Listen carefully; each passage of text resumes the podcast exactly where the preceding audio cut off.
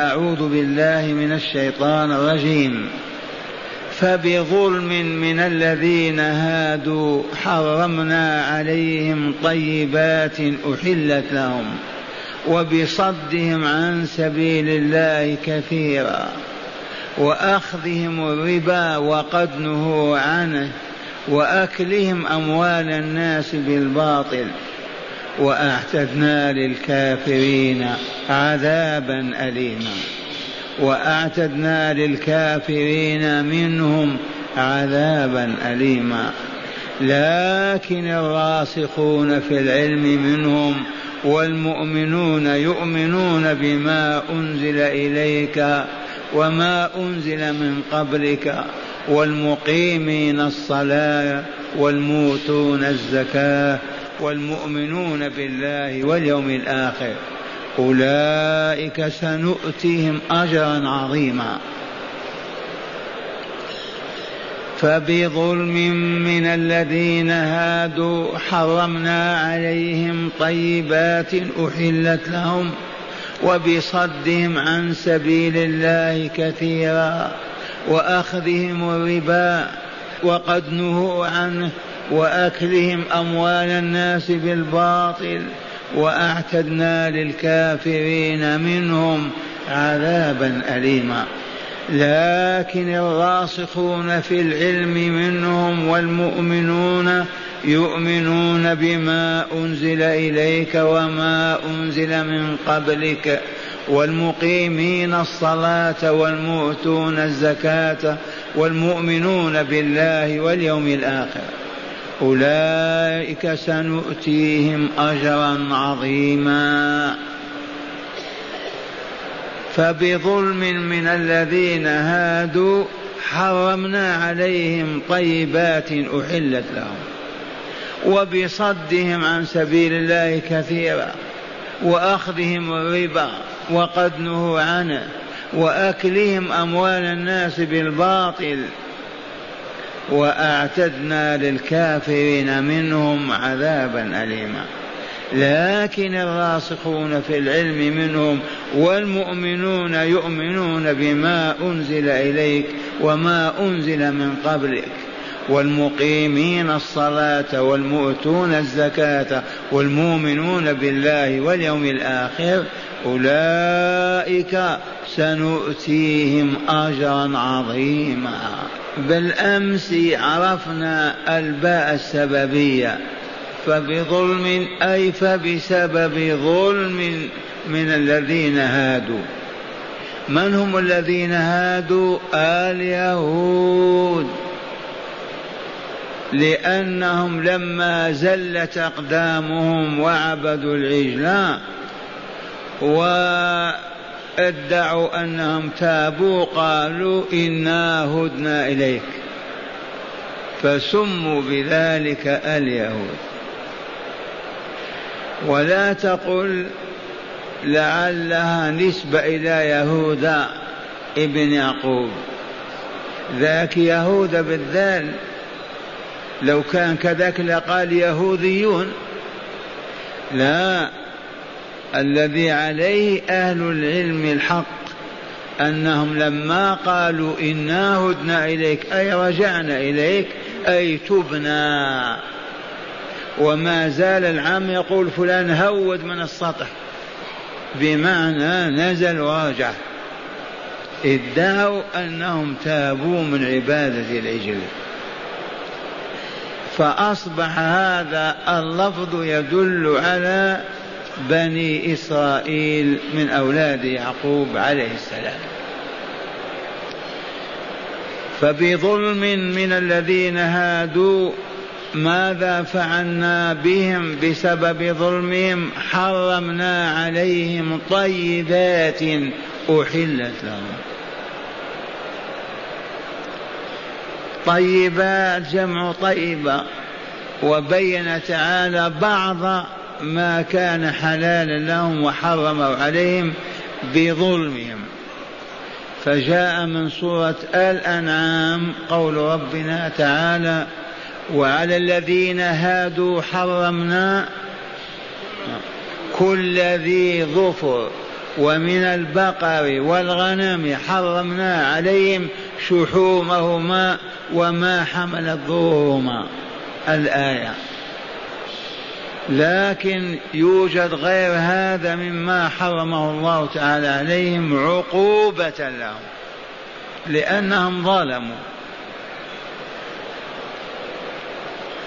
ولنذكر أن المسلمين قد حرموا ولا أقول حرم عليهم حرموا من الطيبات ما شاء الله.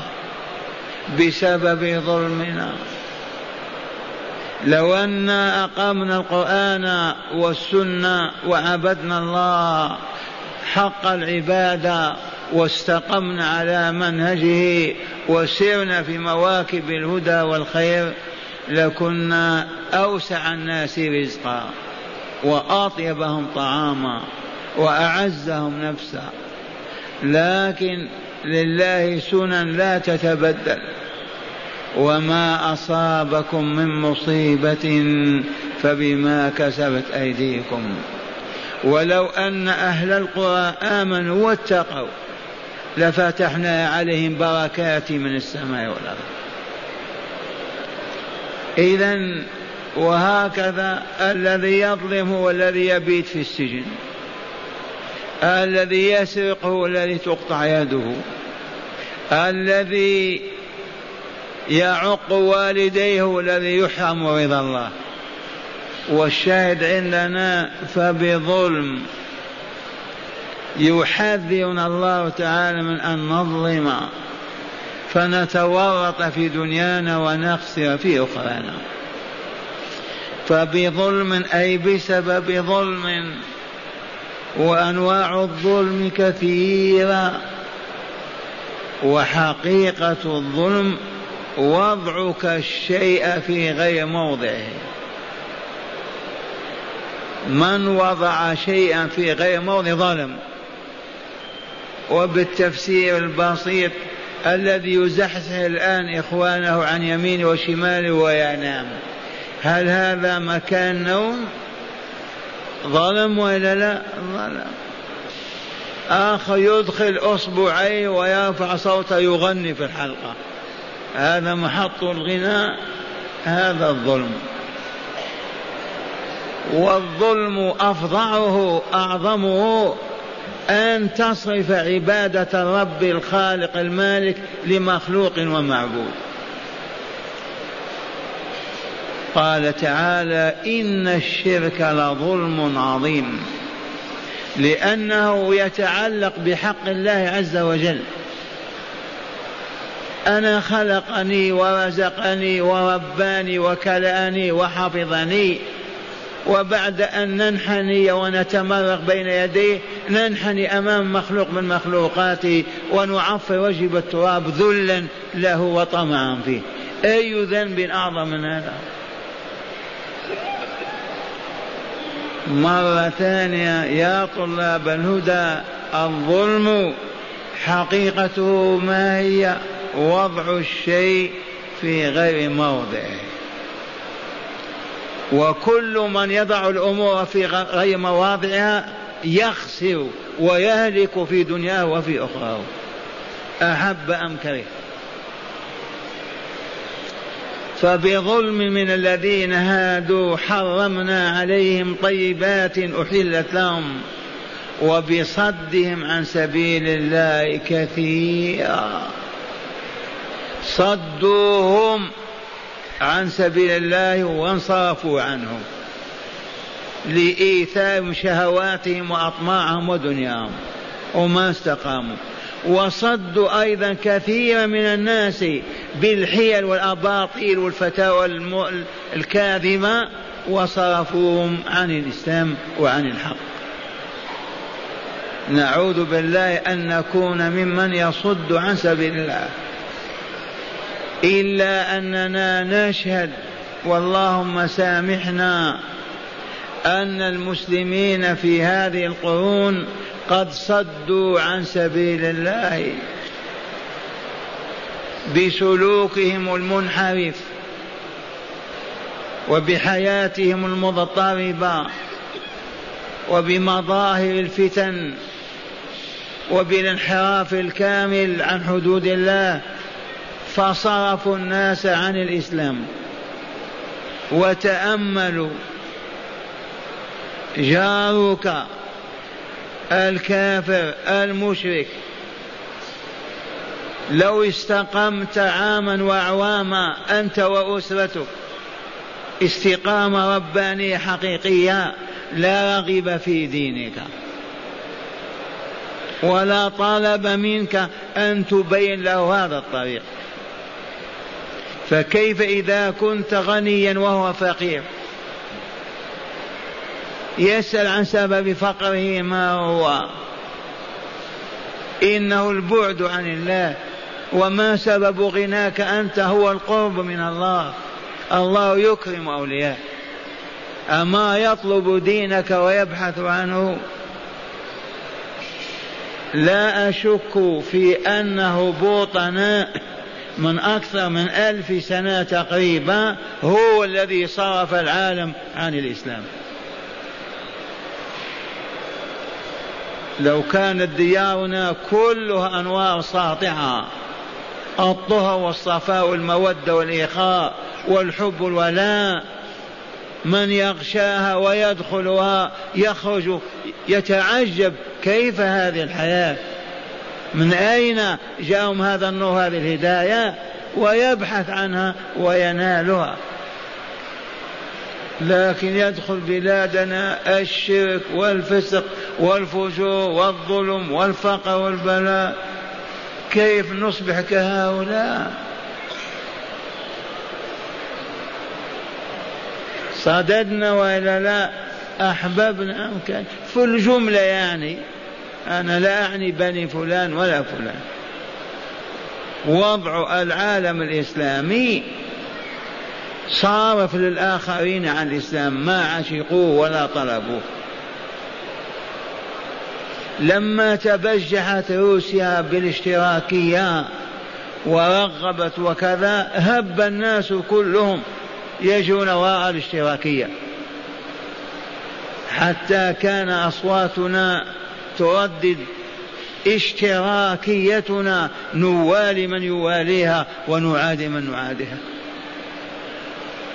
ولكن خيبهم الله فخابوا. هل من طريق آخر؟ لو يرفع إمام رأسه الله أكبر. وتتدفق الخيرات والبركات والنور لجاء الناس زرافات ووحدانا أنتم مع قول ربنا تعالى وبصدهم عن سبيل الله. صدوا أنفسهم أولا وصدوا غيرهم بسلوكهم المنحرف وبحيلهم ومكرهم وغشهم وخداعهم. وأخذهم الربا. اولا نسأل ما المراد من سبيل الله يا معشر المستمعين والمستمعات؟ السبيل الطريق. وسبيل الله الطريق الموصل إلى رضاه والنزول بجواره في دار السلام. وسبيل الله واضحة. وإليكم صورتها. هي أولا أن تؤمن بالله ولقائه. هنا آمن بالله وهناك بلقائه. وامشي أحل ما حل الله وحرم ما حرم الله. انهض بما أوجب الله وتخلى عما نهى الله. وأنت ماشي حتى تقرع باب دار السلام. من يبين لنا طريق الله وسبيله بينه هو في كتابه القرآن العظيم وزاد بيانه رسوله الكريم. لا حجة لأحد أن يقول ما عرفنا من بين لنا. قل هذه سبيلي أدعو إلى الله على بصيرة أنا ومن اتبعني وسبحان الله وما أنا من المشركين. وفي كل ركعة من ركعات الليل والنهار نقول اهدنا الصراط المستقيم. الصراط المستقيم الطريق الذي لا يميل يمينا ولا شمالا لا يهودية ولا نصرانية ولا بوذية ولا شركية ولكن استقامة إلى دار السلام. فبظلم من الذين هادوا حرمنا عليهم طيبات أحلت لهم وبصدهم عن سبيل الله كثيرا. وأخذهم الربا وقد نهوا عنه. وأخذهم الربا وقد نهوا عنه. يأخذون الربا والا لا يأخذون. يعملون للحصول عليه بكل الوسائل. وأخذهم الربا. ما هو الربا؟ من أين مشتق هذا اللفظ؟ هذا من رب الشيء إذا زاد وانتفخ ومنه الرب العاليه الربا المال الزائد. يقرضك ألفا فيأخذ ألفا وخمسين. زاد وإلا لا؟ ربا ومن لطائف هذا الدرس قلنا غير ما مر. إن ربا الجاهلية أفضل من ربا الحضرية كيف؟ ربا الجاهلية في صدر الإسلام وقبل الإسلام يجيء الرجل إلى أخيه ذي المال يقول أقرضني ألفا أو عشرة إلى الحج إلى الموسم إلى الحصاد فيعطيه أخوه. بدل ما يبقى المال في جيبه أو تحت أرضه يدفنه يعطيه لأخيه. فإذا حال الحول جاء الحج أو الحصاد وعجز يأتي بكل طواعية واختيار سامحني ما استطعت أن أسدد ولكن زيد علي. أخر وزد أخر هذا الدين إلى عام آخر وزد شيئا. كذا ولا لا؟ هل ربا البنوك فيه أخ وزد من أول مرة الألف يزيد فيها مئة وإذا تأخرت السنة يزيد أخرى حتى يفنى ما عندك. أي ربوين أفضل؟ كيف عرفنا هذا؟ عرفنا بهذه الطريقة. الآن البنوك تستقرض مالا يزيدون نسبة عشرة في المئة أو خمسة في المئة. سددت في الوقت أو لم تسدد. ربا الجاهلية لا. فقط يطلب منك قرضا إلى سنة إلى كذا فإذا حل الأجل وما استطعت قل له أخ وزد. برضايا أخ وزد. فما السبب في هذا؟ لأن ربا الجاهلية كانت أمة جاهلة. وزينه الشيطان لها وعملت به. وربا البنوك ربا اليهود فلهذا هو شر وأخبث من ربا الجاهلية لأن هذا وضعه اليهود للسيطرة على أموال الناس.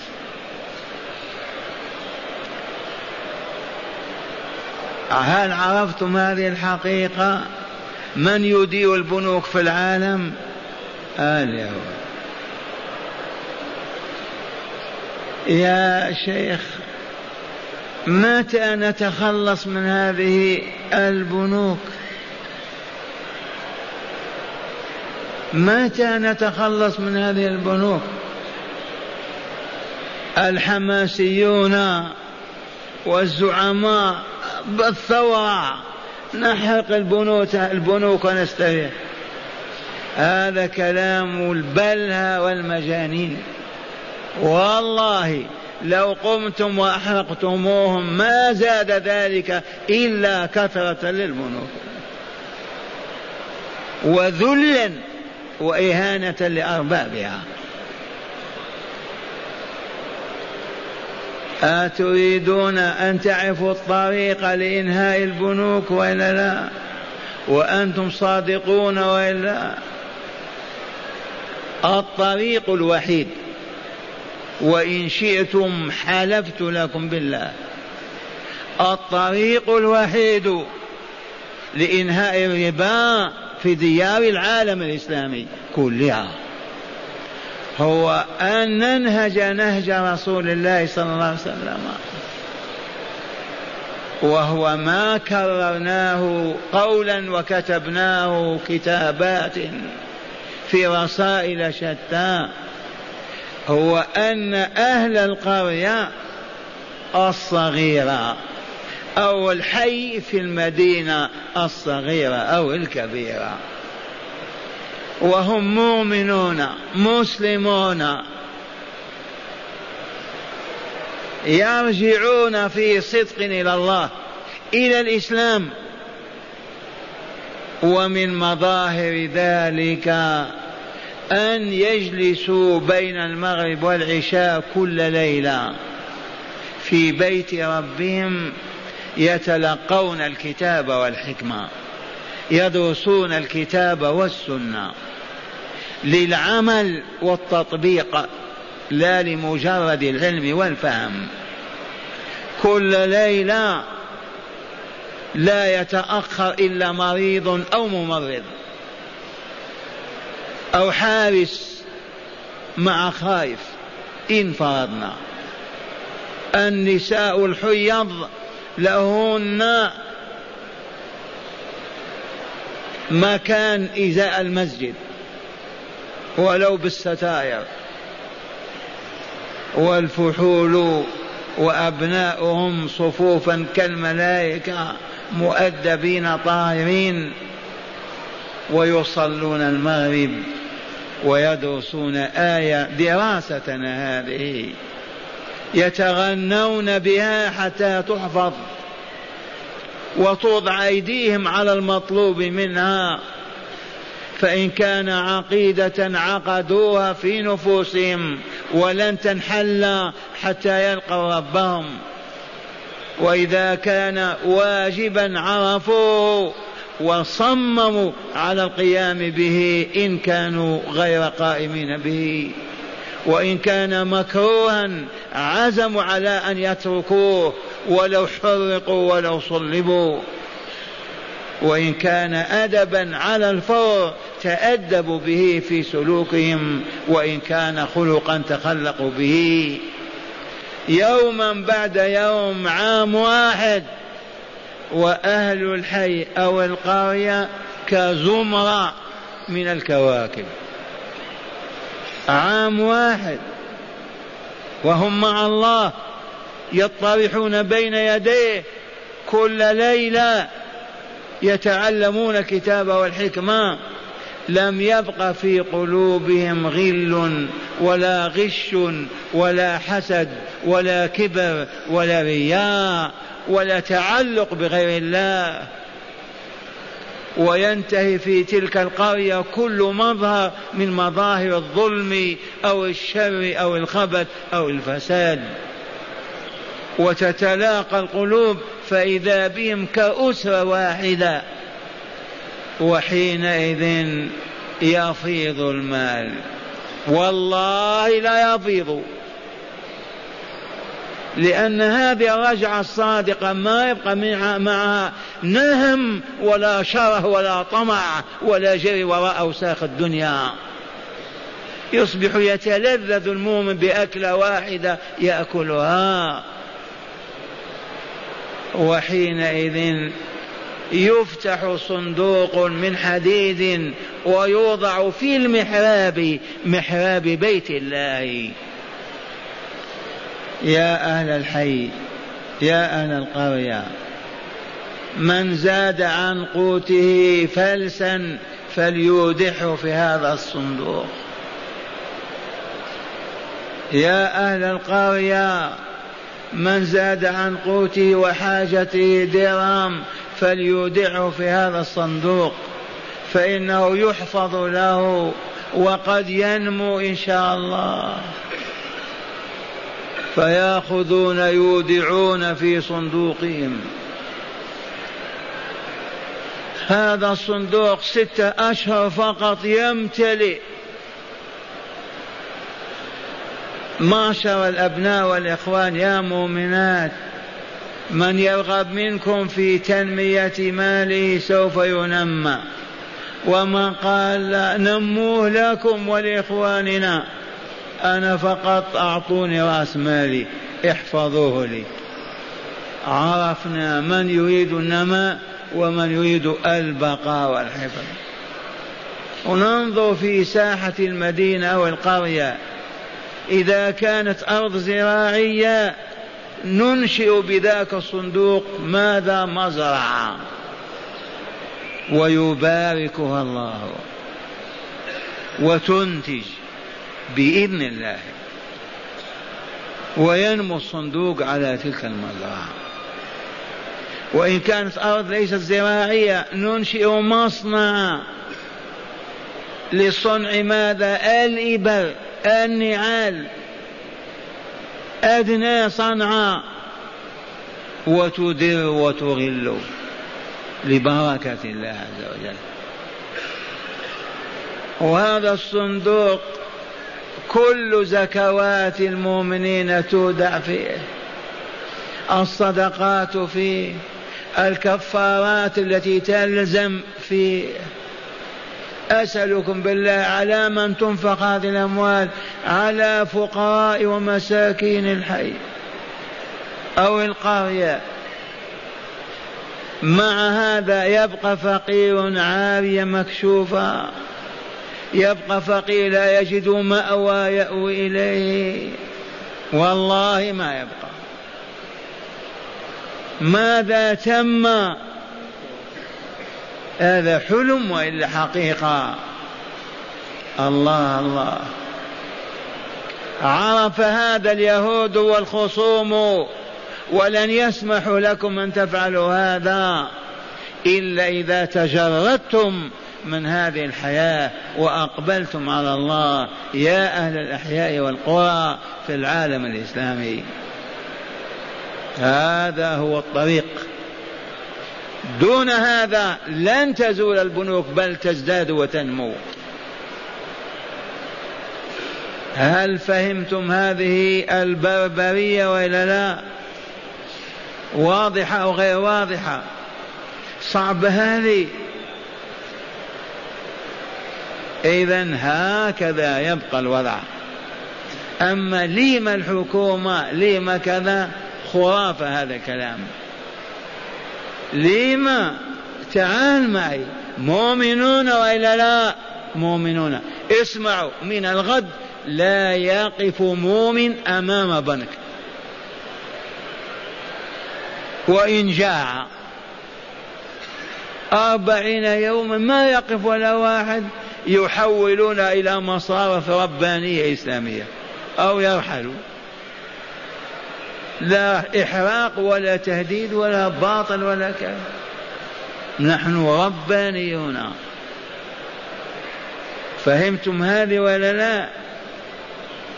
أربعين يوم قليلة أربعة أشهر. والعمال يدخلون ويخرجون ولا واحد يدخل. ماذا يصنعون؟ يسرحون الموظفين. مع السلامة. انتهينا.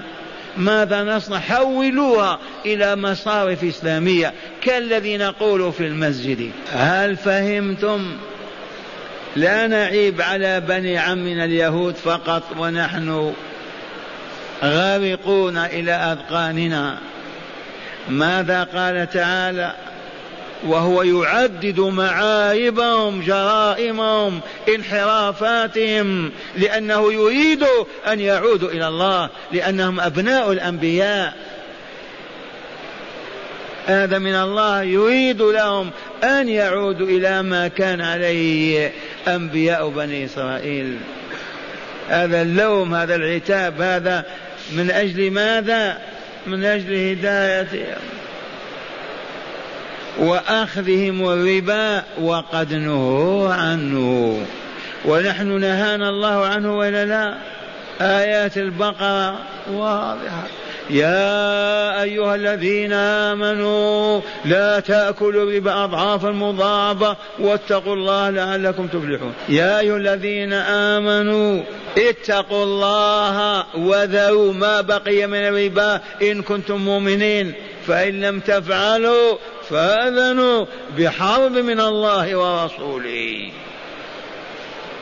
الذي يحارب الله ينتصر لا إله إلا الله. وأخذهم الربا وقد نهوا عنه وأكلهم أموال الناس بالباطل. هذا بالشعوذة وهذا بالسحر وهذا بالتجهيل وهذا بالغش وهذا بالخداع وهذا بماذا؟ بالرشوة وهذا بأكل العشوة. لأن الباطل دون مقابل. أكل أموال الناس بدون مقابل أنا أكل مالك لأني أخذت منك ريال وأعطيتك دجاجة. أخذت مني أنت صاع تمر وأعطيتني ريال ما هو باطل بحق. والذي يأخذ بالرشوة وبالكذب والتجهيل والفتاوى الباطلة وكذا أي مقابل أخذه منك؟ اذا وأخذهم الربا وقد عنه وأكلهم أموال الناس بالباطل. الناس أبيضهم وأسودهم مؤمنهم وكافرهم. إلا أنهم كانوا يقول الآن يقولون نحن اليهود ما نأخذ الربا فيما بيننا. ثبات نهانا الله تعالى عن أكل ربا فيما بيننا. أما نحن والنصارى والمشركون لا بأس. انتبهتم؟ قل نهينا نحن ما عصينا ما نأكل الربا. انتبهت أي فيما بيننا يهودي ما يأخذ من يهودي ربا. لكن يهودي مع عربي مع كذا لا بأس. قال تعالى وأعتدنا للكافرين منهم عذابا أليما. أما المؤمنين لا لا لا. هيأنا العذاب وأحضرناه وهو موجود للكافرين منهم. أما الذين أسلموا كابن سلام وفلان فلان لا. وإلى اليوم كل من عرف الله وآمن به ومشى وراء محمد ورسالته ناجي من العذاب. وعلة ذلك أنه زكى نفسه طيبها وطهرها فأصبحت كأرواح الملائكة في السماء من يحول بينه وبين دخول الجنة. لكن ما دامت ملوثة بالشرك والكفر والذنوب والآثام من يقبله في جواره. ثم قال تعالى لكن لاستدراكية هذه لكن الراسخون في العلم منهم. ككعب الأحبار كعبد الله بن سلام كإخوانه هؤلاء الذين راسخوا في العلم وهذه لطيفة تحتاج إلى درس كامل. عرفتم؟ لأن الذي ما رسخت قدمه في العلم ما أصبح علمه يقينيا في نفسه. لا يستطيع أبدا أن يزول عنه أو يتحول. أدنى شيء يلعب به ويخرج به عن الطريق. السر ما هو في كوننا علماء في كوننا راسخين في العلم. فلهذا الذي لا قدم له في العلم راسخ ما من حقه أن يفتي. لا حق له. عرفتم؟ ومن هنا معلم واعظكم غير مأذون له بالفتية. لماذا؟ لأنه ما رسخت قدمه في العلم. إي والله الذي لا إله غيره. الراسخ والآن الأبناء الأحداث المتعنترون ما عرفوا حتى العلم ولا ذاقوه. مجرد فهم حديثا يثور ضد الإمام مالك الشافعي. ويعيب من يشاء يعيب. كانوا في المدينة يتدافعون الفتيا يأتي فلان يقول له اذهب إلى فلان. يذهب إلى يقول أنا أحولك على فلان. حتى تعود إلى مالك يضطر يفتي. والمراد من هذا هذا استثناء ولا لا؟ استدراك. لكن الراسخون في العلم منهم والمؤمنون يؤمنون بما أنزل إليك وما أنزل من قبلك يا رسول الله.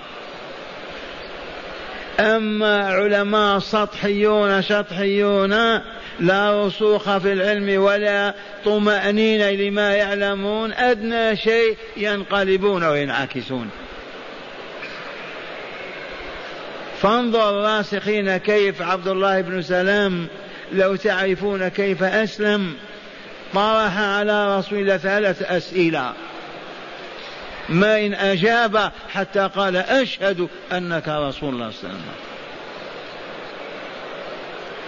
ومعنى هذا يجب علينا أن نرسخ أقدامنا في العلم ولا نكتفي بالسطحيات والظواهر. ويدلك ذلك إذا كنت تخاف الله وتخشاه وتخاف أن تخرج عن طاعته ذي آيات رسوخ علمك بالله عز وجل ومعرفتك له ربا وإلها. عليم بذات صدرك مطلع على أحوالك يراك في كل مكان. هذا هو العلم الراسخ. لكن الراسخون في العلم منهم والمؤمنون منا يؤمنون بما أنزل إليك وما أنزل من قبلك يا رسول الله. والمقيمين الصلاة. لماذا ما قال والمقيمون الصلاة؟ هذا من باب المدح. والمقيمين الصلاة شأنهم عظيم. السياق أن يقول والمقيمون الصلاة والموتون الزكاة والمؤمنون بالله واليوم الآخر. لماذا نصب والمقيمين الصلاة؟ ذكرت لكم غير ما مر أنك إذا أردت أن تحجز الطريق عن السيارة تضع فيها كيس رمل. منين تمر السيارة؟ لابد تقف. فأحيانا في لغة العرب يخالف الإعراب المعتاد إعراب آخر. من أجل أن يقف القارئ أو السامع لما هذا؟ حتى يفكر ويهتدي إلى معنى هذه الآية. إن الذين آمنوا والذين هادوا والصابئون الصواب والصابئين معطوف على لكن والصابئون ما الصابئون وقفت. إذا تعرف هذا الإخبار وهذا الإعلام لماذا؟ لكذا وكذا. حتى تتدبر وتتفكر. ومع هذا أن المقيمين للصلاة بمعنى الكلمة. لو كانوا مصلين لقالوا المصلين. قال المقيمين للصلاة وإلا لا. المقيمون للصلاة يا أبناء الإسلام. قد بينا ألف مرة هيا بنا نذهب إلى المحافظة إلى مدير الشرطة في القاهرة وإلا في المدينة ونقول يا سيد أعطينا قائمة بأسماء المجرمين هذا الشهر. أو ما يوجد مجرمون موجودون. أعطنا قائمة أعطانا قائمة بها مئة شخص. أقول والله لن نجد من بينهم من مقيم الصلاة أكثر من خمسة في المئة. والباقون من تارك الصلاة والمصلين. كم سنة ونحن نقول جربوا في أي بلد لأن الذي يجلس بين يدي ربه يتكلم معه الليل والنهار. كيف يستطيع أن يعصي ويخرج عن طاعته؟ فيسرق أو يظلم أو يذبح أو يقتل أو يقول الباطل. ما يتأتى هذا أبدا. والمقيمين الصلاة الذين يؤدونها على النمط والنحو الذي أداه رسول الله وقال صلوا كما رأيتموني أصلي. أداها مستوفاة شروطها وأركانها وآدابها وسننها لأنها كما علم أهل الدرس عبارة عن عملية توليد الطاقة. كذا ولا لا؟ أبا عبد العزيز. الصلاة عبارة عن عملية توليد النور. وإلا لا الحسنات هي النور وإلا لا عملية دقيقة مركبة شرعها الله ونزل جبريل فعلم رسول الله وصلاه الرسول عشر سنوات وقال صلوا كما رأيتموني أصلي. هذه العملية تولد النور للقلب. فمن أقامها ولدت له أنوارا عجيبة فتظهر الأنوار في سمعه في بصره في لسانه في سلوكه. ما يصبح أعمى يتخبط. فلهذا لا يكذب لا يسرق لا يفجر لا يغش لا يخدع لا يحسد لا لا لا. لكثرة أنواره. فكيف إذا يسرق أو يسب أو يقتل أو يجرم حتى يلقى في السجن؟ ما يتأتى إلا ما شل. والمقيمين الصلاة والموتون الزكاة المعطون الزكاة. وإن وجدت تاركا للصلاة لا تعجب في أنه لا يزكي. لكن وجدت مقيما للصلاة هيهات هيهات ألا يزكي.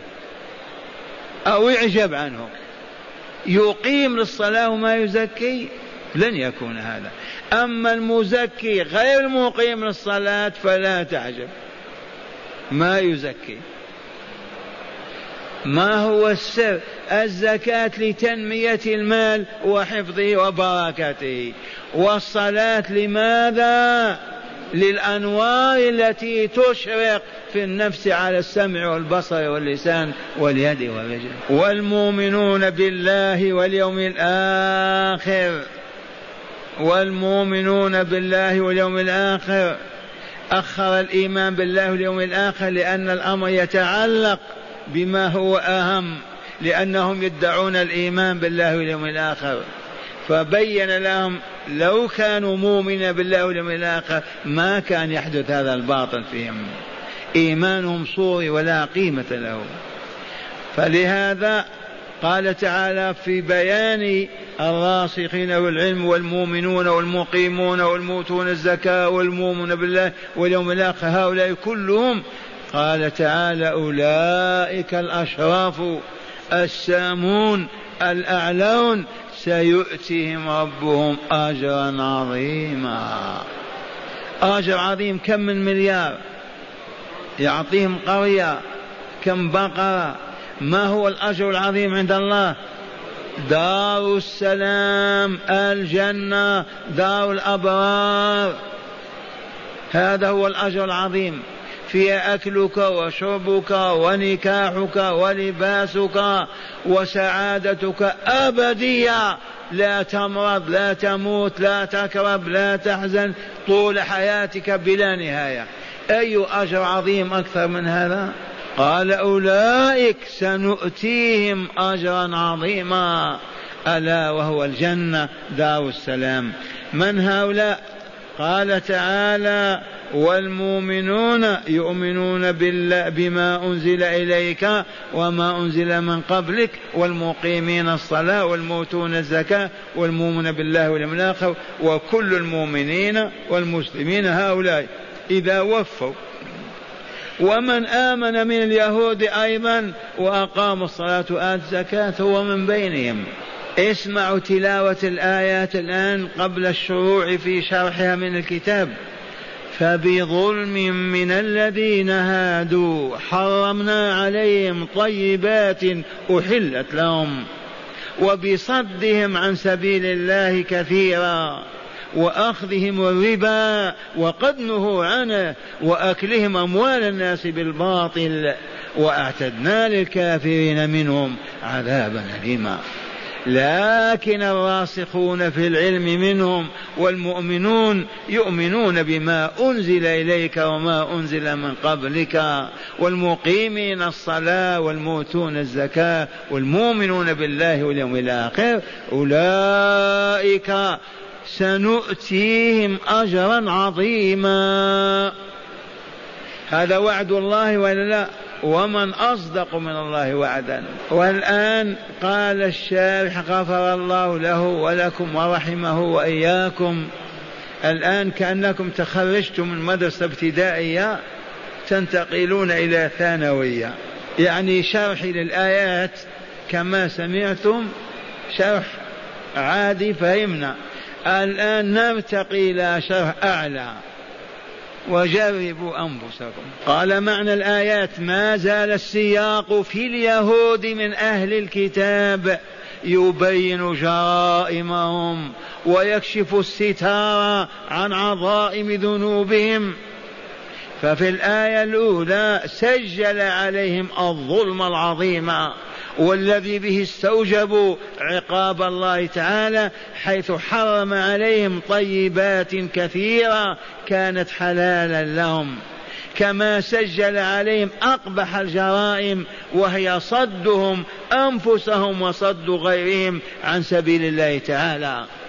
وذلك بجحودهم الحق وتحريفهم كلام الله وقبولهم الرشوة في إبطال الأحكام الشرعية. واضح هذا الكلام؟ قال هذا ما تضمنته الآية الأولى. أما الثانية فقد تضمنت تسجيل جرائم أخرى على اليهود وهي أولا استباحتهم للربا وهو حرام.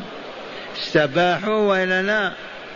نحن المسلمين الذين يأكلون ربا ولا يستبيحونه يعني لا يقولون حلال ومباح. ذنب عظيم وقد يغفر الله لهم أو يعذبهم ويدخلهم الجنة. أما من استباحه فقد كفر وخرج من الملة. هذه الحقيقة تاملوها المستبيح لما حرم الله بأن يقول إيش هذا حرام حرام؟ لا نؤمن بهذا. هذا كفر. خرج من الإسلام. ومن قال حرام ولا أكل الظروف ونحن كذا هذا ما يكفر أبدا. وقد يتوب الله عليه قبل موته وقد يعفو عنه ويغفر له لحسناته وقد يعذبه بالنار ويخرجه منها لأنه ليس بمرتد وكافر. أما اليهود استباحوا الربا قالوا ما في ربا حرام. قال أما الثانية فقد تضمنت تسجيل جرائم أخرى على اليهود وهي أولا استباحتهم للربا وهو حرام وقد نهوا عنه. وثانيا أكلهم أموال الناس بالباطل كالرشوة والفتاوى الباطلة التي يأكلون بها. والسحر أيضا وعندنا سحرة قالوا أيضا يأكلون أموال الناس بالباطل ويدجلون. وتعرفون السحر مبدأه منين؟ من اليهود. إلى الآن ما زالوا متفوقين. وكثيرا ما يخطر ببالي نقول لعلهم سحروا بعض حكام المسلمين لأنهم يجتمعون في لقاءات في الأمم المتحدة.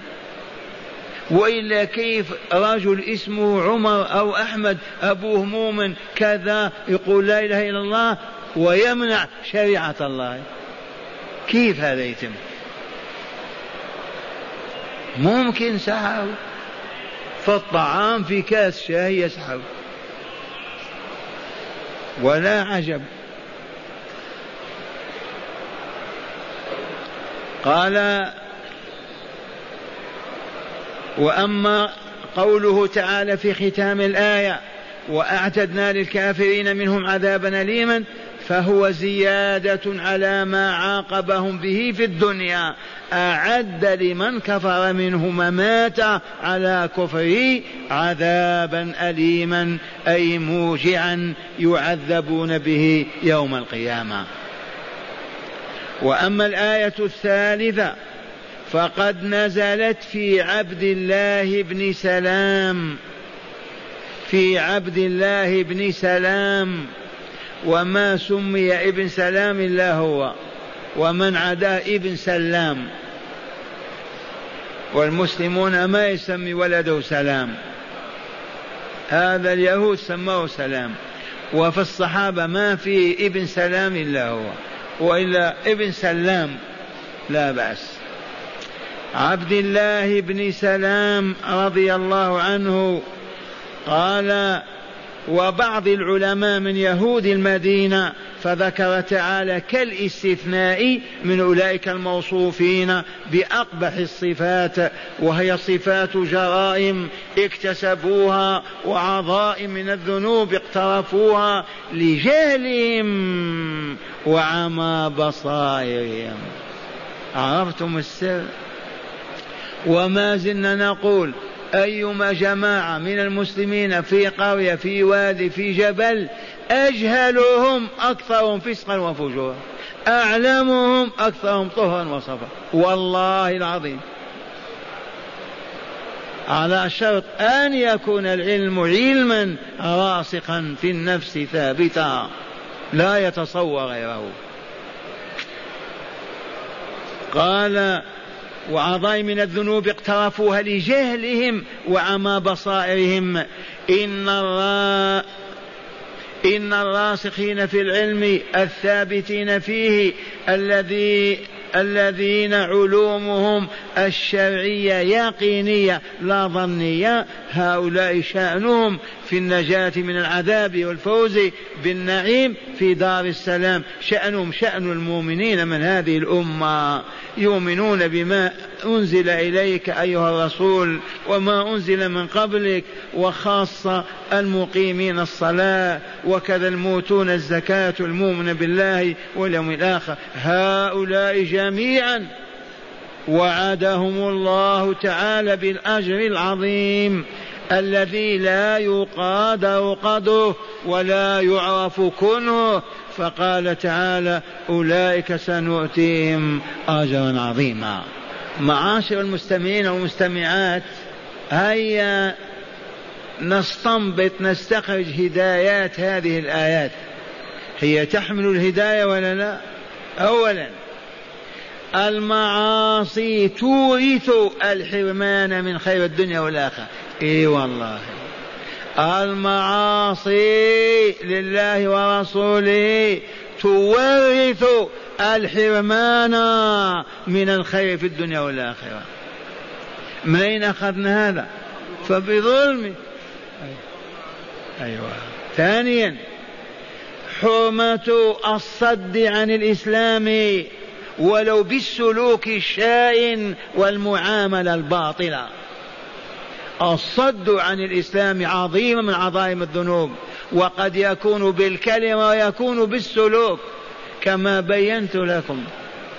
المسلم يجب أن يكون مسلما ظاهرا وباطنا حتى لا ينتقده كافر ويقول هذا مسلم ويفعل كذا وكذا. كيف ندخل أنا في الإسلام؟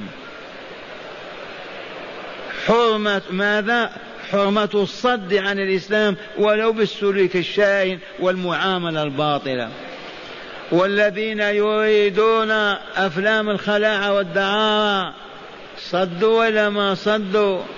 ثالثا حرمة الربا وأنه موجب للعقوبة في الدنيا والآخرة. رابعا حرمة أكل أموال الناس بالباطل كالسرقة والغش والرشوة والشعوذة وما إلى ذلك. من أين أخذنا هذا؟ وأكلهم أموال الناس بالباطل. خامسا من أهل الكتاب صلحاء. من أهل الكتاب صلحاء وربانيون. وإلا لا وذلك كعبد الله بن سلام وآخرين. نعم. ما سبب صلاحهم واستقامتهم؟ رسوخهم في العلم. ما أخذوا معلومات طافية وادعوا العلم وغلبتهم شهواتهم وأفتوا بالباطل. الرسوخ في العلم. قال سادسا الرسوخ في العلم يأمن صاحبه الزلات والوقوع في المهلكات. والله العظيم. فلهذا تلقي تلقي المسلمين العلوم الآن في المدارس المادية هل نفع شيئا؟ أي بلد إسلامي إلا وفيه وزارة معارف والتعليم للبنين والبنات بمراحل متعددة الابتدائية الثانوية كلها والمتخرجون بالملايين. أين الطهر والصفاء؟ أين الحب والولاء؟ أين أين أين الكرامات؟ أجيبوني لا شيء. ما السبب؟ أساسا ما وضع هذا العلم لتزكية النفوس وتطهيرها. نحن نقدم أبناءنا وبناتنا للتعليم من أجل الوظيفة. معشر المستمعين فهمتم هذا ولا لا؟ أما سمعتم والله يقول لكن الراسخون في العلم منهم والمؤمنون يؤمنون بما أنزل إليك. فيجب أن تكون علومنا راسخة في النفس ثابتة. تنعكس أنواره على سلوكنا. ما ننطق بغير الحق ما ننظر إلى ما حرم الله ما نسمع ما نهى الله عنه ما ناكل ولا نشرب ما حرم الله عنا. كيف نعود؟ المسجد.